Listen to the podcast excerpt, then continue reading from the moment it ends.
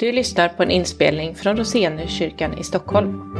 Vi vill ha Jesus i centrum, stå på Bibelns grund och vara ett andligt hem med hjärta för Stockholm. Vill du veta mer om Roseniuskyrkan? Kolla in vår hemsida eller hitta oss på Facebook. Du är också hjärtligt välkommen till en av våra gudstjänster, söndagar klockan 11. Dagens gammaltestamentliga text kommer från profeten Jesajas 42 kapitel. Vi läser de sju första verserna. Se min tjänare som jag stöder, min utvalde som min själ glädjer sig över. Jag har sänt min ande över honom. Han ska utbreda rätten bland hedna folken. Han ska inte skria eller ropa, inte låta sin röst höras.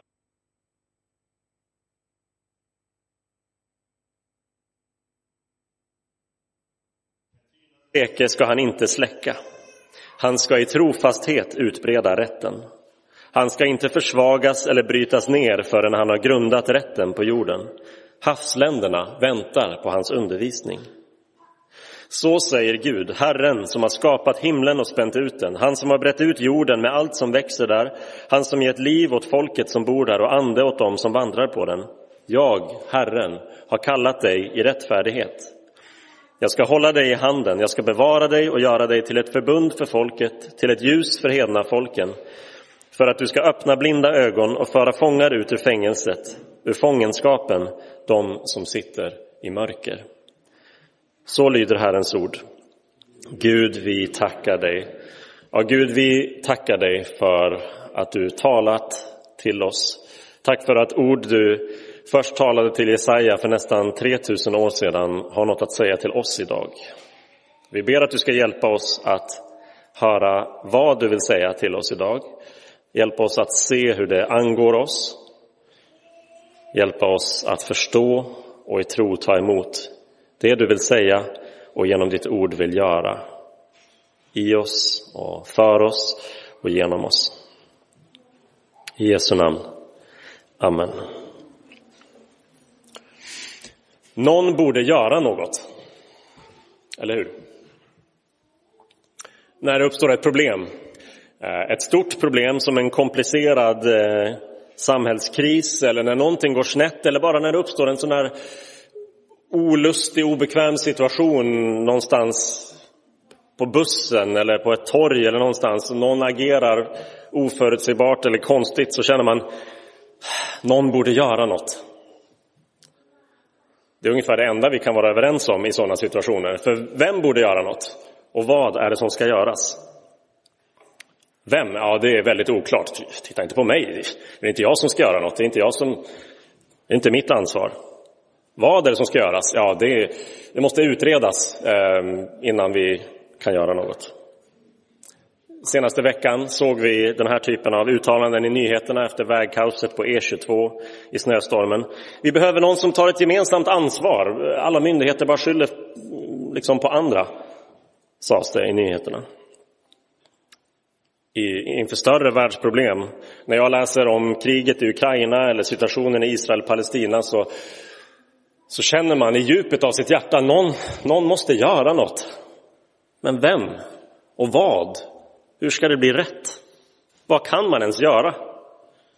Alltså, ta något av de större problemen i världen, om det är ekologiska, militära eller ekonomiska kriser. Så ju mer man läser och studerar så inser man att det finns så många sidor och perspektiv att ta in. Så för mig åtminstone så är det så lätt att man landar i resignation. Alltså man, man bara kastar in handduken och känner att det går inte att göra något. Gud kanske borde göra något. Det kan man ganska ofta tänka och känna. Varför gör inte Gud något? Varför griper inte Gud in? Varför stoppar inte Gud det här? Och när vi läste det här avsnittet från profeten Jesaja så möter vi Gud som på sätt och vis ganska högtidligt, nästan lite stolt kan man säga, eh, tillkännager. Nu ska jag göra något. Se, min tjänare. Se, här är den som ska göra något. Här är den som ska, som ska ställa saker till rätta. Här är den som ni har väntat på. Här är mitt, alltså Guds redskap för förändring i världen. Se, min tjänare. Gud stöder honom och det står att Guds själ gläder sig över honom. Så Gud är verkligen genuint glad och stolt över den som han pekar på. Orden kom till profeten Jesaja som levde under en ganska kaotisk tid. Under sin karriär eller period som profet så fick han se fyra kungar avlösa varandra i, i det södra riket, i Juda. Han fick bevittna när det norra riket, Israel, krossades av Assyrien. Det var en ganska instabil period där goda nyheter var sällsynta. Men där budskapet om att Gud hade en plan verkligen skulle vara just goda nyheter. Och budskapet om att Gud kommer med sin tjänare, har skickat någon för att göra något, är aktuellt och är väldigt goda nyheter för oss också. Så vi ska titta på hurdan Guds tjänare är, vad, Gud, vad den här tjänarens karaktär är.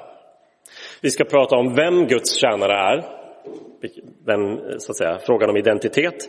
Och vi ska prata om vad Guds tjänare ska göra. Vad är uppdraget? Så karaktären, identiteten och uppdraget. Hurdan är Guds tjänare egentligen? Så här läste vi. Han ska utbreda rätten bland hedna folken. Han ska inte skria eller ropa, inte låta sin röst höras på gatorna. Ett brutet strå ska han inte krossa, en tynande veke ska han inte släcka. Han ska i trofasthet utbreda rätten och så vidare. Ja, det är en väldigt slående beskrivning av den här tjänarens karaktär eller värderingar är rätt och rättfärdighet. Det upprepas fyra gånger i det här korta lilla avsnittet.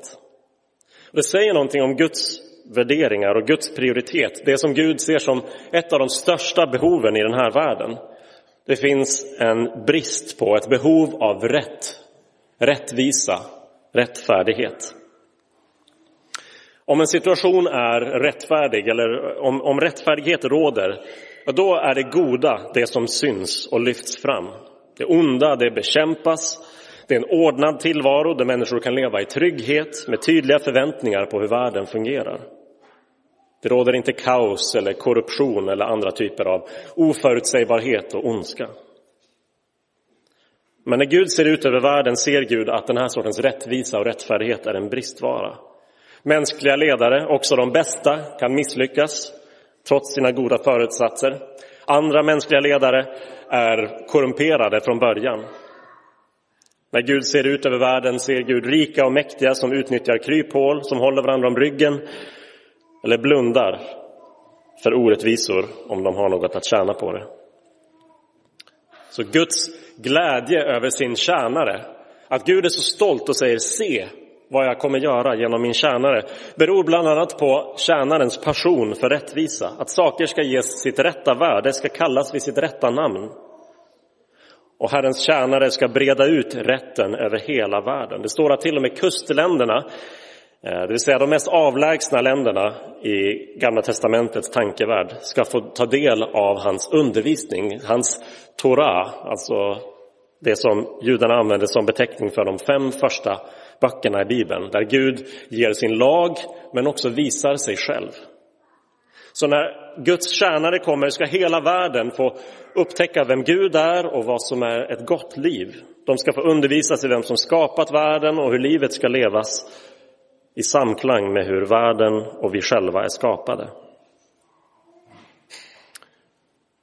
Men det finns en intressant sak som händer efter att vi har fått, den här, eh, fått upp blicken för att här kommer någon som ska breda ut rättvisa. Med andra ord, någon som ska eh, uppnå politikens alla mål i världen, över hela världen, ska, ska skipa rätt, reformera, förvandla samhället. Så ser vi att den här tjänaren som ska uppnå politikens alla mål inte spelar det typiska politiska spelet. För en annan värdering eller en annat karaktärsdrag hos tjänaren är en mildhet och en ödmjukhet som vi inte förväntar oss av någon som ska skapa rättvisa över hela världen. När vi tittar på hur han rör sig i offentligheten, det som beskrivs som gatorna, så hör vi att han inte skriker eller ropar. Han hörs inte, han är inte ute efter att överrösta eller liksom vinna debatter eller raljera över sina motståndare. Han spelar inte spelet, han slår sig inte för bröstet, han framhäver inte sig själv, han finns inte i rampljuset överhuvudtaget, utan jobbar i det tysta. Jobbar inte på sin image eller sitt varumärke, utan präglas av genuin, innerlig rätt och godhet, även när det inte syns eller hörs.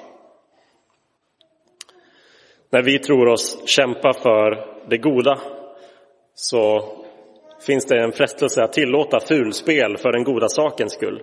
Jag har ju rätt, jag är ju god. Vad, vad gör det om jag avbryter eller smutskastar min motståndare när han eller hon har så fel? Vår tid är präglad av väldigt mycket ilska. I media, i sociala media delas saker eller ropas saker i affekt. Och vi vacklar mellan polerna av, av vrede och likgiltighet över allt som finns att vara upprörd över i världen. Och någon borde göra något. Men vem kan utbreda rätten och samtidigt vara så mild, så ödmjuk? Den här karaktären är inget vi ser till vardags runt omkring oss, eller hur? Men det vore fantastiskt att möta en person som lyckas kombinera de två egenskaperna. Eller som till och med lyckas kombinera dem med den här tredje aspekten, barmhärtighet. Ett brutet strå ska han inte krossa, en tynande veke ska han inte släcka. Han ska i trofasthet utbreda rätten. Ni vet, det är bråttom att kämpa för det goda, behoven är enorma och för att åstadkomma något på det, liksom bra på det stora hela så måste man ibland vara beredd att trampa på ömma tår. Vi behöver ha de bästa på vår sida vi har inte tid att anlita medelmåttor eller förlorare. Vi måste satsa på de mest strategiska och resten de får väl göra sitt bästa för att haka på. Är det inte så det ofta går till? I politiken eller till och med i kyrkan. Mänskliga system och mänskliga strukturer och mänskliga ledare har sällan tid för de som inte passar in i mallen. Lik en skördetröska så dundrar de fram och krossar och bryter stråna. Håll jämna steg eller håll dig ur vägen. Jag minns en inspelning jag hörde av en för en tid sedan framstående kristen ledare i, i USA som beskrev den, den, det projekt och den rörelse han ville få igång som, som en buss. Som liksom, nu ombord på bussen allihopa, för nu åker vi. Och antingen är du med på bussen eller så blir du överkörd av bussen. Det var så viktigt och så bråttom att göra det rätta och säga det sanna att det var beredd att gå över lik för att nå fram. Sån är inte Herrens tjänare.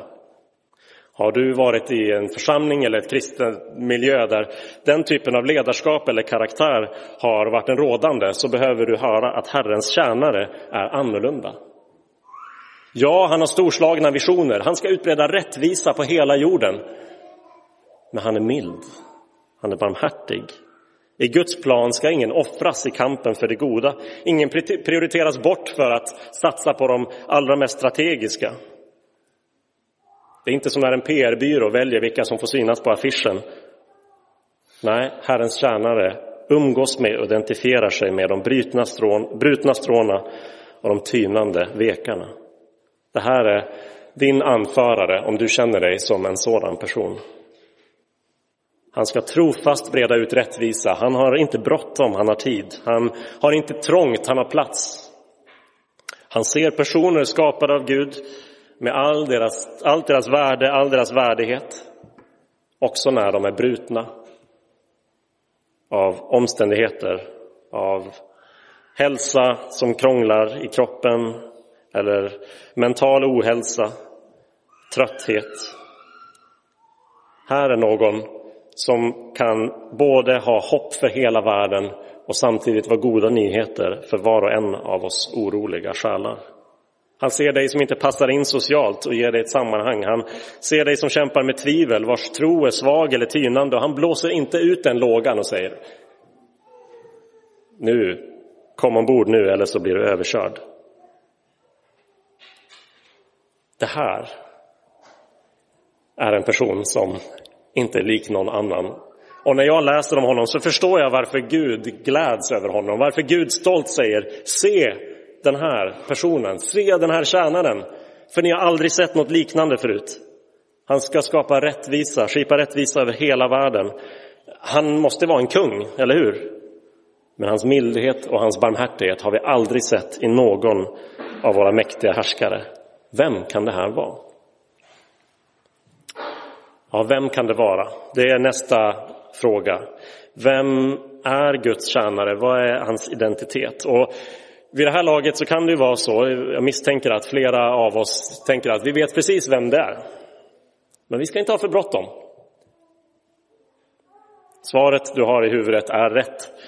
Men det är mer komplicerat. Förklaringen till varför det är rätt är lite längre och är värd att vara uppmärksam på. För den här karaktären som vi, när vi tänker efter, blir eller borde bli förälskade i, den karaktären som Gud gläder sig åt, är en karaktär som vi skulle behöva på alla möjliga arenor, som skulle behövas överallt i världen. Det är inte bara eh, liksom någonting som utspelar sig i en religiös sfär. Det är den sortens person vi skulle vilja ha i politiken, i kyrkan, i bostadsrättsföreningen, i vårt eget grannskap, på vår egen arbetsplats. Någon som är helt hängiven det sanna och det rätta. Och bara vi då fundera över vem Herrens tjänare är så kan vi, om vi läser Bibeln som helhet, se att Herrens tjänare det är en väldigt bred titel som syftar på alla möjliga personer och grupper. För det första så var Adam, den första människan, skapad för att vara Herrens tjänare. Han skulle avbilda Gud, reflektera Guds karaktär till resten av skapelsen och vårda och bevara trädgården där han sattes. Men Herrens tjänare tog sig rätten i egna händer. Avvisade Gud som kung och började styra och härska på sitt eget sätt. Och hela mänskligheten lider av syndafallets konsekvenser än idag. När alla ska vara sin egen rätt så råder kaos och krig. Så när mänskligheten misslyckades med att vara Herrens tjänare, då utvalde Gud ett särskilt folk, Israel, till att vara hans tjänare. Och han gav dem eh, sin egen lag. Han översatte sin karaktär till ett slags samhällssystem och sa, lev så här, så kan ni vara min tjänare i världen. Och alla de omgivande folken ska se hur bra ni lever. Men Herrens tjänare övergav sitt syfte, sin kallelse att vara annorlunda och blev som de andra folken. Orätt och korruption fick fäste, hycklande och falsk andlighet ersatte sann tillbedjan. Senare i samma kapitel, Jesaja 42, så säger Gud att det finns ingen som är så blind som min tjänare. Då talar han om Israel som folk som har övergett Gud och som sprang efter andra gudar, som misslyckats med sitt uppdrag att vara Herrens tjänare. Men Gud gav inte upp.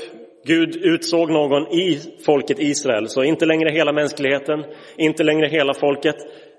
Han hittade en person, en man efter sitt eget hjärta, kung David, eller David, och gjorde honom till kung. Och det såg till en början väldigt lovande ut, men också han begick en fruktansvärd orätt och hans efterkommande övergav det löfte som Gud gett till honom. Så Gamla testamentet berättar den här historien om hur hela mänskligheten skulle tjäna Gud, men det gick inte. Israel skulle tjäna Gud, men det gick inte. David och hans hus skulle tjäna Gud, men det gick inte. Finns Herrens tjänare kvar? Det smalnar av så mycket att vi undrar, finns det något hopp för vår värld? Kan någon komma, den som borde göra något? Utbreda rättvisan, utöva barmhärtigheten. Vi behöver den här tjänaren, vi behöver någon som griper in. Och Gud sa till Jesaja, se, för nu kommer han snart. Och vi kan verkligen undra över i den här synen, visionen som Jesaja fick, hur pass skarp var den? Vad, vad förstod Jesaja själv av den? Jag föreställer mig att det, det var kanske lite oskarpt som när man fotograferar och inte riktigt har fått in skärpan i bilden. Oavsett hur det såg ut för Jesaja så vet vi att när Matteus, Markus och Lukas beskriver Jesu dop så får bilden total skärpa och de säger här, vid Jesu dop, pekade Gud ut honom som sin tjänare. Se min utvalde, honom som jag har kär, som jag har min glädje i. Nu har han kommit. Svaret är Jesus. Därför att Jesus gick in i det som var uppdraget för Davids hus, det som var uppdraget för Israels folk, det som var uppdraget för hela mänskligheten. Han är den nya kung David, det nya Israel, den nya Adam, Herrens tjänare och nu finns det hopp. Men vad ska han göra då? Jag ska göra dig till ett förbund för folket, till ett ljus för hedna folken, för att du ska öppna blinda ögon och föra fångar ut ur fängelset, ur fångenskapen, de som sitter i mörker. Ja, han ska öppna blinda ögon. Han har kommit för att hela de plågade. Matteus kommer om några kapitel återvända till det här stället i Jesaja som en sammanfattning av Jesu verksamhet att hela de sjuka. De orena, de besatta, de vars kroppar eller själar eh, var drabbade av ohälsa och sjukdom på olika sätt, de var välkomna hos Jesus. Och ögon som inte längre ser är ju en mönsterbild för något skapat som har gått sönder, som inte fungerar som det var tänkt. Precis som eh, Gud säger till Jesaja, jag har skapat alla och när min tjänare kommer så ska han laga det som är trasigt i skapelsen. Så var det vad som hände när Jesus kom. Såklart att Gud bryr sig om när hans skapelse gått sönder. Såklart han kommer för att laga och hela och ställa till rätta. För det andra ska han befria fångar och ta människor ut ur mörker. Vi får inte veta vilken slags fångar de är, vad de är dömda för, om det är oskyldigt eller rättvist de blivit fängslade. Men Guds rättvisa har också utrymme för förlåtelse. De oskyldigt dömda ska bli fria, ja, men också de som dömts med rätta ges en chans att omvända sig och få förlåtelse för sina synder och för vad de har gjort. Det här är också ett återställande av skapelsen, den ursprungliga renhet och frihet som den som inte behöver känna skuld eller skam en gång hade. Det som de första människorna hade, som ingen av oss någonsin har kanske har upplevt precis på samma sätt. Men i Jesus blir det möjligt att vara förlåten och fri Fri från det man gjort, fri från det andra gjort mot en, älskad som man är, förd ut ur mörkret. Allt det här sker därför att Herrens tjänare blir ett förbund. Bibelns historia är en historia om hur Gud ingår förbund med människor. Han har sträckt ut handen till sin mänsklighet, till sitt utvalda folk, till särskilda nyckelpersoner och sagt vi ska ingå ett förbund, en överenskommelse, vi ska höra ihop. Jag ska ge er mitt beskydd, min välsignelse och i, i, i er tur ska ni hålla er till mig, älska mig av hela, mitt, eh, hela ert hjärta och så ska vi höra ihop. Men mänskligheten misslyckades och Israel misslyckades. Så hur ska den relationen återupprättas? Jo, den ska återupprättas genom att Gud inte bara ska hålla sin del av förbundet, vilket han alltid har gjort. Nej, till slut måste Gud komma och hålla också vår del av förbundet. Han måste bära kostnaden, följderna och straffet för att vi bröt förbundet. Han kommer för att ta synderna på sig och han utser sin tjänare till att leva det liv vi borde levt och dö den död vi förtjänat på grund av vårt förbundsbrott så kommer Jesus och med sitt liv och sin död och sin uppståndelse så blir han ett förbund. Han är Guds part och han är vår part. Den som går emellan och som medlar i konflikten när förbundet blivit brutet. Och i honom är vi förlåtna, heliga, rena, förbundna och förlovade till Gud. Som hans brud och hans folk för alltid. Inte konstigt att Gud är glad och stolt inte konstigt att han säger se den här tjänaren. Missa inte. Han är underbar. Han är något ni aldrig sett förut och han gör något som ingen av er har kunnat göra. Han har upprättat relationen med Gud för oss. Han har inkluderat oss i Guds rike, Guds beskydd, Guds omsorg, Guds framtidsplan. Det spelar ingen roll varifrån du kommer eller vad du gjort, hur brusten eller tynande du är. Hur blint du agerat, hur fången du varit i mörker eller missbruk eller vad det än må vara. Herrens tjänare är här. Han har kommit för att ge oss hälsa, syn, frihet och förlåtelse. En del av det på en gång, annat långsamt. En del först när hans rike kommer i fullhet. Men se honom. Missa inte Att nu är det någon som äntligen gör något. Och gör det som vi inte kan, gör det som vi desperat behöver, som hela världen behöver och som ingen människa, ingen ideologi, inget rike eller civilisation har kunnat åstadkomma. Han har löst vårt grundläggande problem och förenat oss med Gud igen. Någon borde göra något. Men vem ska göra vad? Ja, Jesus har gjort det vi inte kan. Så därför, om vi känner vårt behov, om vi ser nyktert och klart på vår situation och ser Herrens tjänare så borde våra hjärtan värmas och smälta och tina och glädjas precis som Gud gör när han ser på Jesus. Han är koncentrationen och förkroppsläggandet av allt det som är sant och gott och vackert. Så se Jesus och ta emot det han har gjort, som bara han kan göra. Men när någon borde göra något så ska vi komma ihåg att Jesus också kallar oss in i sin tjänst. Resten av Nya Testamentet kommer kalla inte bara apostlar eller församlingsledare utan alla kristna för Herrens tjänare.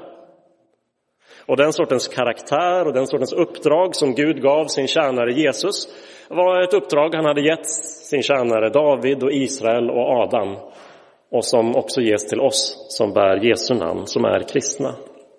Vi är kallade att efterlikna honom. Vi ska vara här i kyrkan en plats för rättvisa, men också en plats för mildhet och barmhärtighet. En plats där människor inte döms ut eller där våra projekt och planer inte gör så att människor stöts undan eller måste liksom rättas in i ledet eller annars kastas bort. Det här ska vara en plats där människor upprättas till sin värdighet. Och när vi lämnar kyrkan och går ut i världen ska vi skipa rätt eller vara ett, ett vittne, ett ljus om rättvisa och mildhet och barmhärtighet också där. Så att Herrens tjänare inte bara finns i ett religiöst vakuum, inte bara finns innanför kyrkans väggar, utan finns just på alla de arenor vi nämnde. I politiken, i affärslivet, i grannskapet, i styrelserna, i föreningarna. Överallt där det behövs upprättelse, rättvisa, barmhärtighet och mildhet. Är vi kallade att tjäna honom och vittna om hurdan Gud är. Låt oss be om Guds hjälp med det. Gud, vi kallar dig för att när allt hopp var ute och när både individer och grupp efter grupp svikit sin kallelse att vara din tjänare och allt hopp verkade vara, vara ute när läget verkade vara kört så sände du din tjänare Jesus Kristus. Tack för att Jesus kommer upprätta och skipa rättvisa på hela jorden till slut en dag. Tack för hans mildhet och hans barmhärtighet mot oss. Tack Gud för att du inte stöter bort människor utan välkomnar. Tack för att du förlåter och befriar. Tack för att du lyser upp i mörker Tack för att du inte krossar den som är bruten eller släcker den som är tynande. Jesus, vi behöver dig. Tack för att du har gjort det som ingen av oss kunde göra och som ingen mänsklig institution eller system eller rike kan göra. Tack för att du har frälst oss och förenat oss med Gud. Men Jesus, vi vill också be dig om hjälp. Vi vill tillhöra dig och vara dina tjänare. Vi vill likna dig i vårt sätt att ehm, att vara kyrka, i vårt sätt att leva i världen och tjäna dig och göra gott. Vi vill att när människor ser på våra liv så skulle, eh, skulle de reagera och fråga vad som är annorlunda och få en chans att lära känna dig som är ljuset i vårt mörker. Styrkan i vår svaghet. Jesus, hjälp oss att vara dina tjänare, att ta emot det du vill ge oss och att ge det vidare överallt där du sätter oss i de relationer och sammanhang där vi får förtroende och möjligheter. Hjälp oss Jesus.